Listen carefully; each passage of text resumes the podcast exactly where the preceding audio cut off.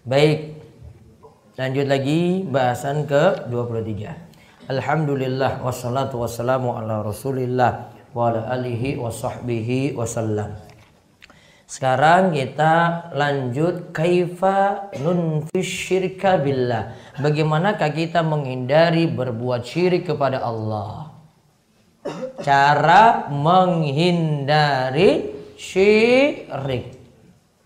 Kita lihat Bahasannya halaman 107. Menghindari perbuatan syirik kepada Allah tidak akan sempurna kecuali dengan menjauhkan diri dari tiga macam syirik yaitu satu syirik dalam perbuatan Allah yaitu keyakinan bahwa di samping Allah masih ada pencipta dan pengatur lain. Keyakinan ini dianut oleh sebagian orang sufi. Di antaranya mereka meyakini bahwa Allah menguasakan kepada para walinya untuk mengatur dan mengurus sebagian urusan makhluknya. Ini merupakan keyakinan yang tidak diyakini oleh orang-orang musyrik sebelum Islam datang sekalipun. Karena orang-orang musyrik Arab waktu itu ketika ditanyakan kepada mereka siapa yang mengatur segala urusan, mereka menjawab serentak Allah. Allah menyebutkan hal ini dalam firman-Nya. Dan siapakah yang mengatur segala urusan? Mereka menjawab Allah. Quran surat Yunus ayat 31. Nah, lihat, kita lihat. Yang pertama syirik dalam perbuatan Allah ditulis syirik dalam rububiyah. Ditambahkan keterangan syirik dalam rububiyah.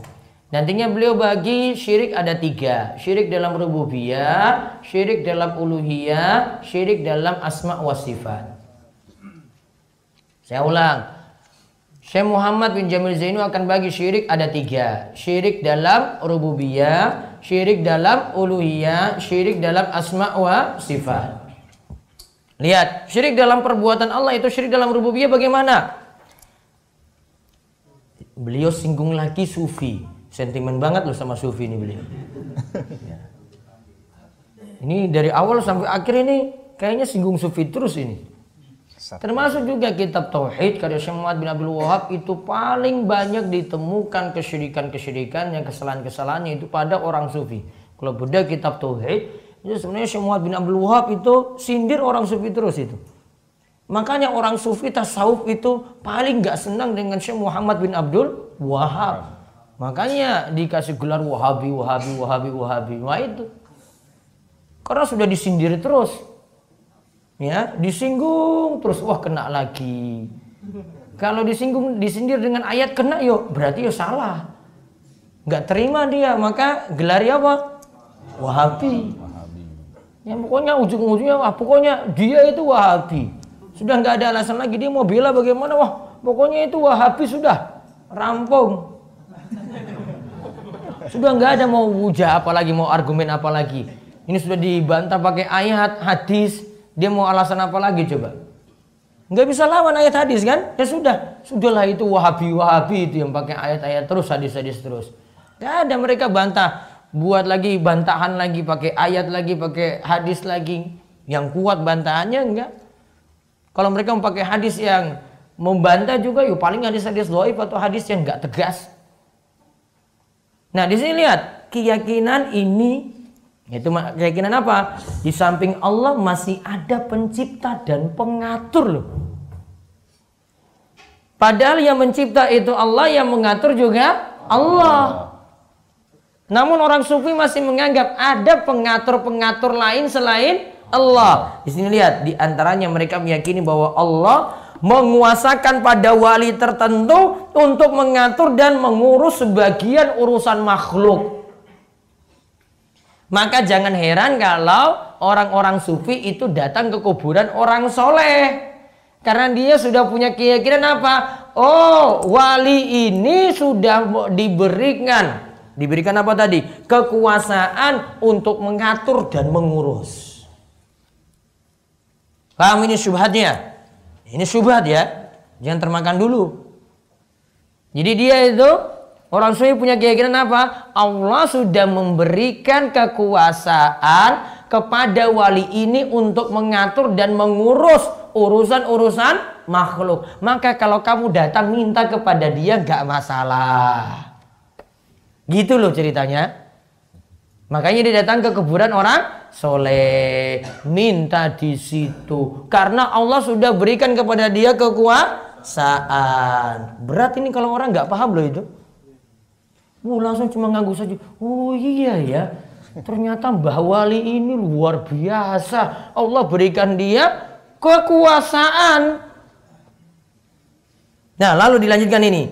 Ini merupakan keyakinan yang tidak diyakini oleh orang-orang musyrik. Ingat, orang musyrik di masa Nabi SAW tidak ada yang pernah punya keyakinan kayak orang sufi seperti ini. Berarti lebih parah mana coba?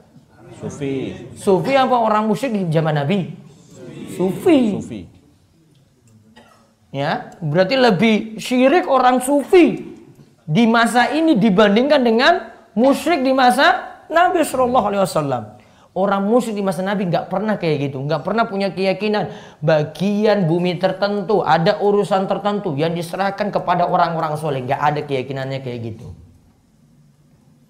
Itulah kenapa Syekh Muhammad bin Abdul Wahab dalam kaidah keempat dalam Qaidul Arba ia katakan kesyirikan zaman dulu masih lebih mending daripada kesyirikan zaman now ini. Kenapa? Ah, ini di antara alasannya ini loh. Syiriknya lebih parah.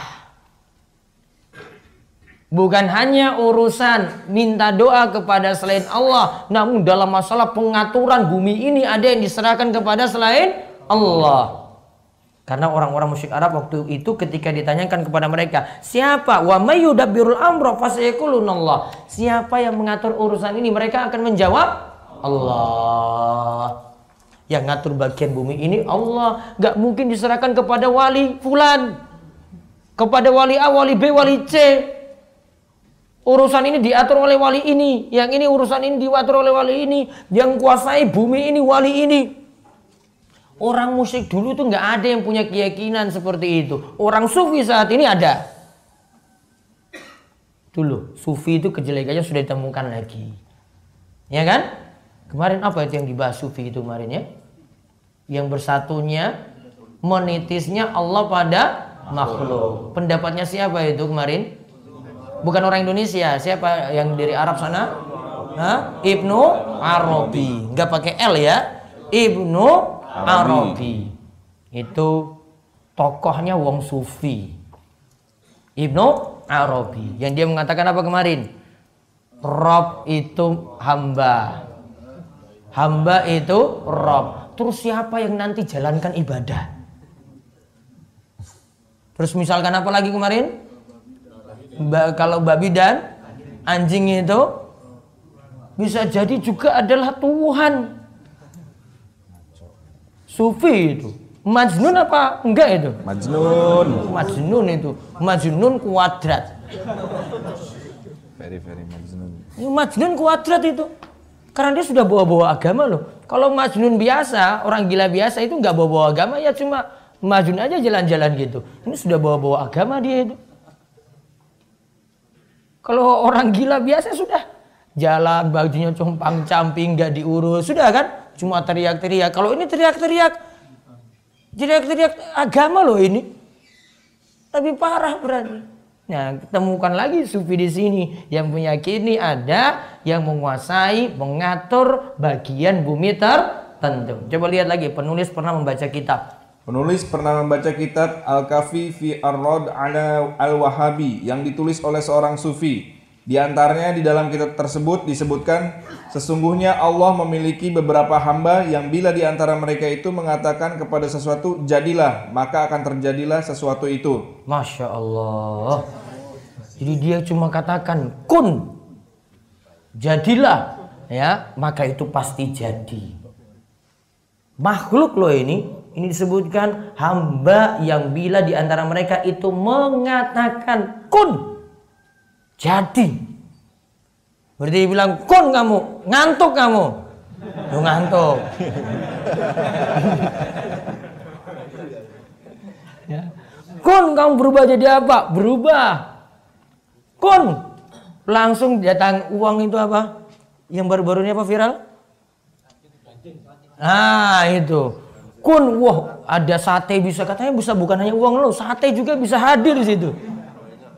Berarti ini kayaknya mirip seperti ini ya. Sufi kayaknya dia ya. Isi itu kayaknya sufi juga kan? Hmm, kayak gini loh sama. Bisa itu uang sampai miliaran-miliaran bisa dia buat itu. Berarti jadi sufi dulu baru kamu itu mau sugih berarti. Berarti di antara kiat pesugihan apa? Jadi orang sufi. Tuh.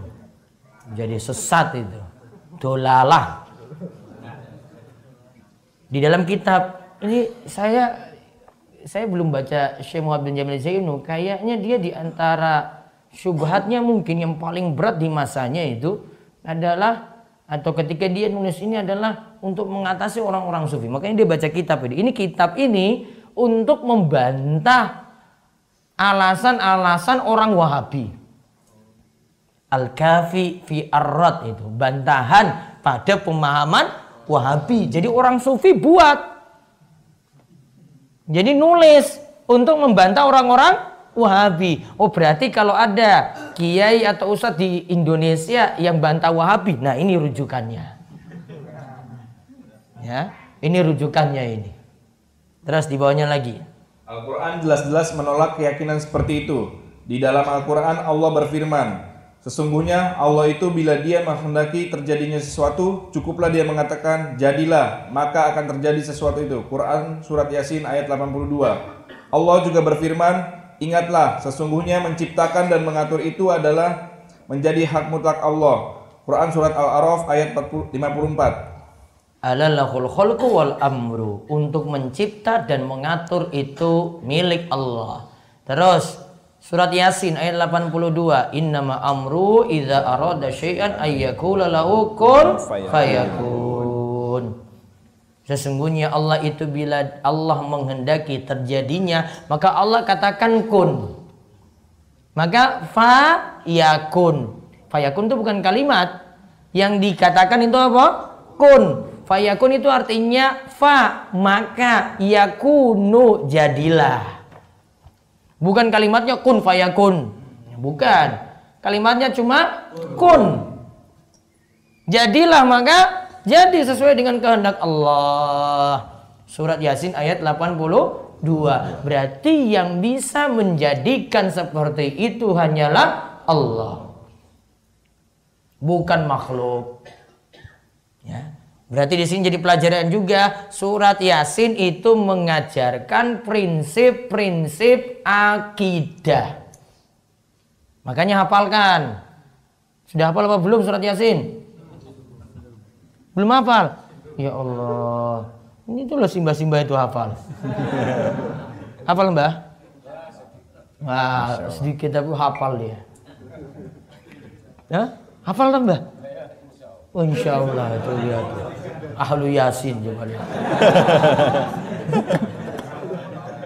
Sepuh-sepuh itu hafal. Nah, hafal.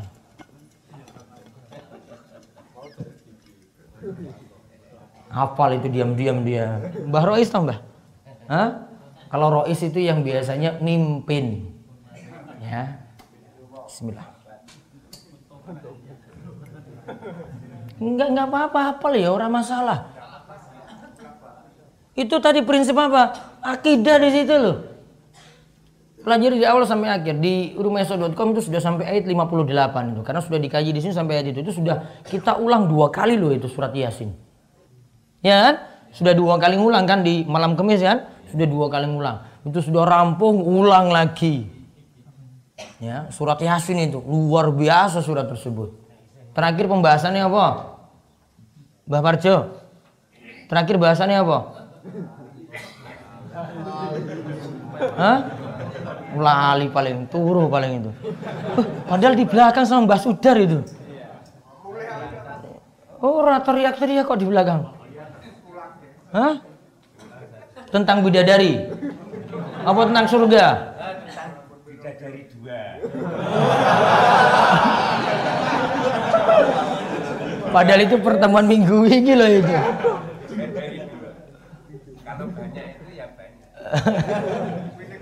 Bidadari minimal dapat dua. Masya Allah. Lagi jomblo beliau. Kok wow? Tanya aja sendiri.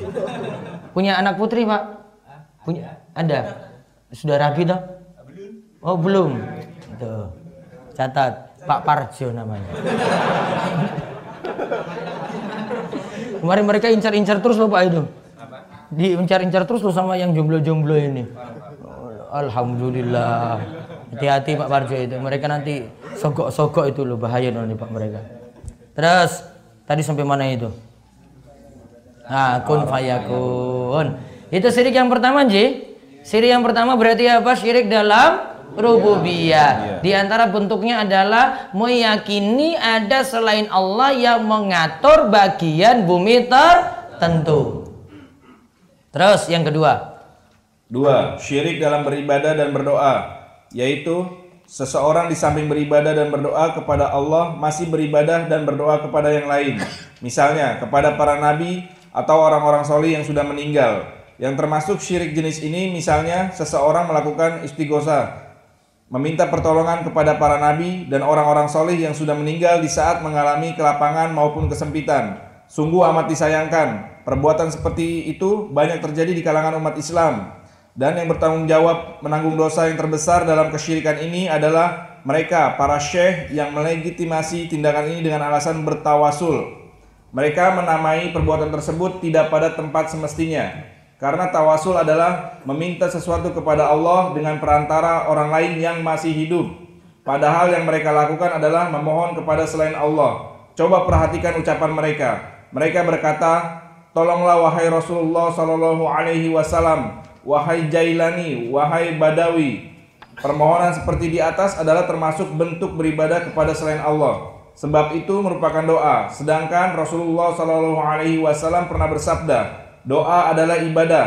Hadis ini diriwayatkan oleh At-Tirmizi dan dia berkata hadis ini hasan sahih. Kemudian permintaan agar dibanyakan anak dan harta juga tidak boleh dimohonkan kecuali kepada Allah saja.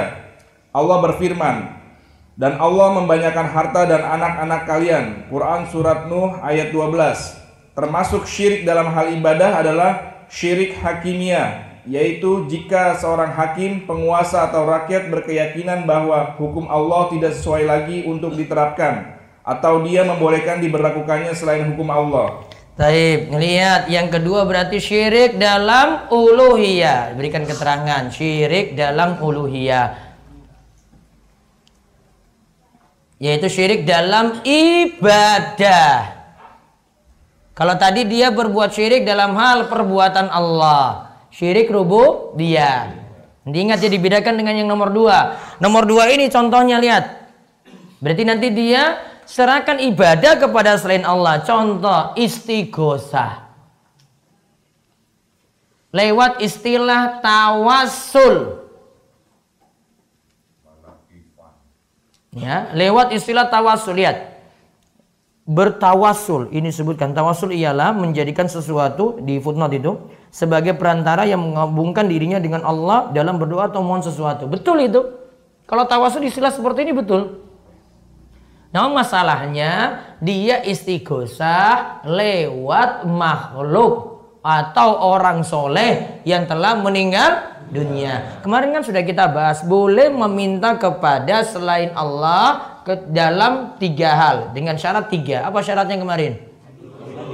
Hidup, hadir, mampu. Hidup hadir mampu. Kalau pada orang soleh yang sudah mati nggak bisa. Hidup enggak, ya enggak hidup. Hadir enggak, dia di dalam kubur sudah di alam berbeda. Terus mampu enggak? Iya, taruhlah dia dengar itu. Apa bisa kabulkan? Enggak bisa. Mau teriak-teriak usap-usap kuburnya, minta-minta gitu, enggak akan kabulkan. Kalaupun dia dengar, Kalaupun dia dengar nggak bisa kabulkan loh. Oh kalau kabulkan ya kabur ya yang minta itu. Diistilahkan tadi dengan apa? Tawasul. Contoh lihat di sini. Tolonglah wahai Rasulullah SAW, wahai Jailani. Apa Jailani? Syekh Abdul Qadir Jailani. Wahai Badawi. Ya, bisa dia dahului dengan solawat dulu. Di sini nanti beliau nyinggung solawat macam-macam loh. Di sini nanti beliau nyinggung di sini. Yang jenengan belum pernah dengar tentang ini bantahannya, di sini beliau sebutkan nanti. Masih lama. Ini kita masih wah masih Harus bahas lagi di daurah berikut nih. Kan pernah dengar kan Allahumma sholli sholatan kamilatan wasallim salaman taman ala sayyidina apa selawat apa itu Hah? Solawat Naria. Nah, itu nanti disinggung beliau di sini. Ada di halaman 200 itu loh. Hafal itu kayak gitu.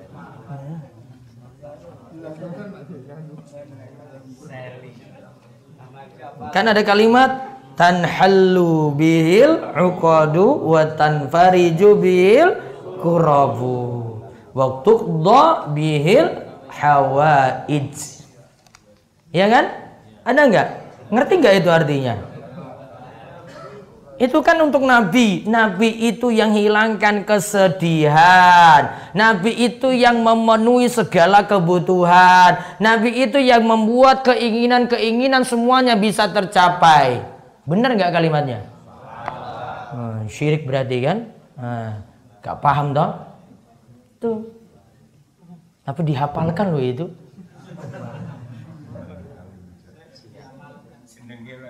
Hmm.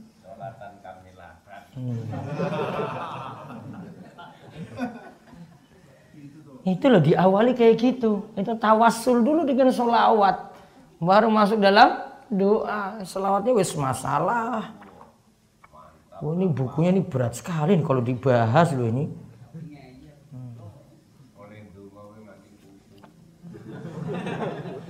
Udah, itu syirik dalam yang kedua syirik dalam apa? Uluhiyah. Bentuknya apa kalau di sini?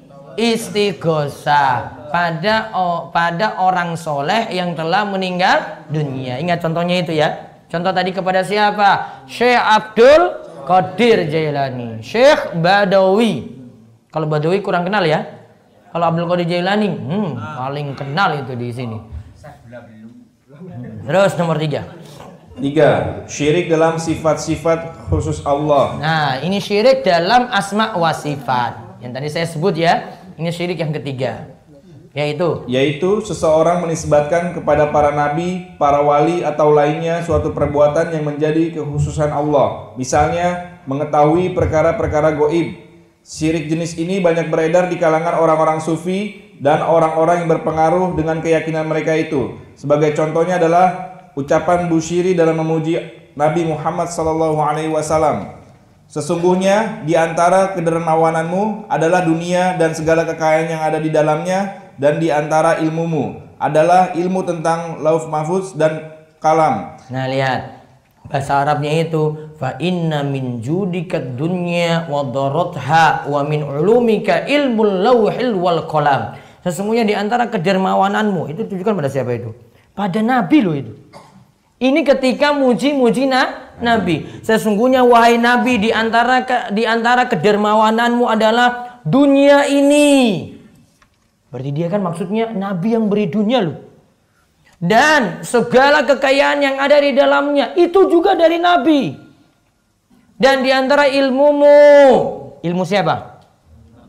Ilmunya Nabi adalah ilmu tentang lauhul mahfuz dan kolab Berarti Nabi tahu perkara-perkara gaib. Keyakinannya orang apa tadi? Sufi lagi. Ya, jadi di antara keyakinan sufi wali-walinya itu mengetahui perkara-perkara gaib. Itu syirik dalam asma wa sifat. Syirik dalam nama dan sifat Allah. Kenapa? Karena yang mengetahui perkara gaib hanya Allah saja. Orang sufi menyatakan walinya paham.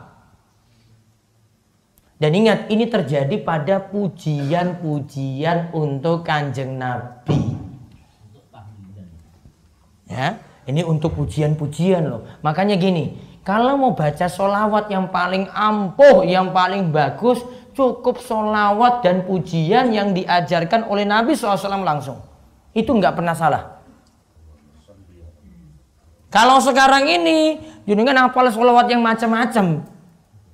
Ya, selawat yang macam-macam jenengan itu pakai, hafalkan, nyanyikan, itu belum tentu benar loh. Lihat ini pujiannya saya salah ini. Pujiannya berlebihan pada kanjeng na Nabi. Siapa tadi nama ulamanya? Busiri loh ini. Siri. Buat kalimat pujian. Maksudnya kan baik, memuji Nabi SAW. Namun berlebihan. Pujiannya salah. Ya, pujian nggak boleh kayak gitu. Ini sudah angkat derajat Nabi SAW sampai derajat apa? Tuhan. Sudah derajatnya diangkat ke derajat yang tinggi loh ini. Nggak boleh. Terus dari sinilah Dari sinilah kemudian menyebabkan munculnya kesesatan para dajjal atau pembohong besar yang mendakwakan dirinya bisa melihat Rasulullah SAW dalam keadaan wujud nyata. Lalu, menurut pengakuan para dajjal tadi, mereka menanyakan rahasia yang tersembunyi di dalam hati orang-orang yang bergaul dengan mereka. Para dajjal itu berusaha mengurus sesuatu yang bukan menjadi kewenangan mereka.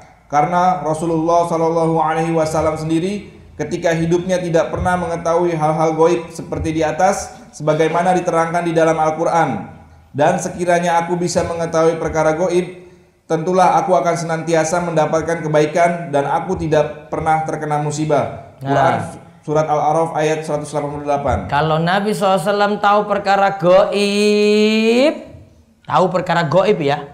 Ini, oh satu jam lagi ada kecelakaan ini pada saya. Ya sudah, sudah tahu ini pasti nggak akan celaka karena sudah tahu perkara goib yang terjadi ak- akan datang. Nabi nggak tahu kayak begitu. Ketika perang Uhud Nabi SAW pun terluka. Andai tahu nanti terluka, mending gak ikut perang. Iya kan? Nabi SAW tetap pergi perang loh itu. Karena nggak tahu perkara apa? Perkara goib. Dan ini juga jadi tanda Nabi nggak pakai ilmu-ilmu kebal. Ditusuk nggak mempan. Wah, sakti sekali, sakti mandraguna. Nabi eh, Nabi SAW coba lihat luka ketika perang apa? Uhud. Berarti yang punya ilmu kebal lebih daripada Nabi ya? Iya kan?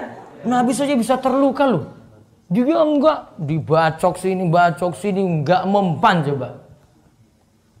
Itu sakti apa sesat loh itu ya? Sakti dan sesat. Terus jika semasa hidupnya Jika semasa hidupnya saja beliau tidak mengetahui hal-hal yang goib, bagaimana mungkin beliau bisa mengetahuinya setelah beliau wafat dan berpulang ke hariban Tuhan yang Maha Tinggi? Suatu ketika Rasulullah Wasallam mendengar seorang budak perempuan mengatakan, di kalangan kita ada seorang nabi yang bisa mengetahui apa yang akan terjadi besok.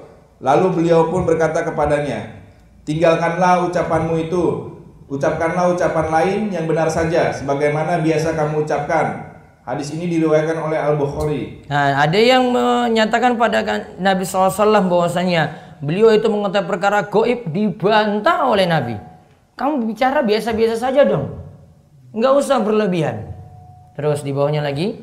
Walaupun terkadang kepada para rasul Allah menampakkan sebagian perkara-perkara goib, sebagaimana dijelaskan di dalam firman-Nya, hanya dialah yang mengetahui perkara-perkara goib, dan dia tidak pernah menampakkan perkara-perkara goib kepada siapa pun kecuali kepada para rasulnya yang dia ridhoi. Quran surat Al-Jin ayat 26 dan 27. Alimul ghaibi fala yuzhiru ala ghaibihi ahada. Allah lah yang mengetahui perkara gaib dan Allah tidak pernah menampakkan perkara gaib kepada siapa pun illa man min rasulin kecuali kepada rasul yang Allah itu ridhoi. Berarti cuma sebagian perkara gaib yang diberitahukan kepada rasul, enggak semuanya. Yang Allah kehendaki untuk diberitahukan, maka beliau beritahukan tentang kiamat saja Nabi SAW ketika ditanya oleh Jibril. Jibril yang ketika itu datang pakai pakaian putih, dalam keadaan bajunya nggak kusut, tidak seperti orang yang bersafar. Kemudian ditanya, Nabi SAW itu ditanya, ya kapan hari kiamat datang? Mata sa'ah, kapan kiamat itu datang? Mal mas'ulu anha bi'a'lama minas sa'il. Yang ditanya tidak lebih tahu dari yang bertanya. Itu aja Nabi SAW nggak tahu. Harusnya kalau Nabi SAW itu tahu perkara goib, berarti masalah kiamat pun Nabi SAW bisa jawab. Oh kiamat nanti tahun sekian, tahun sekian, tahun sekian. Nabi langsung jawab.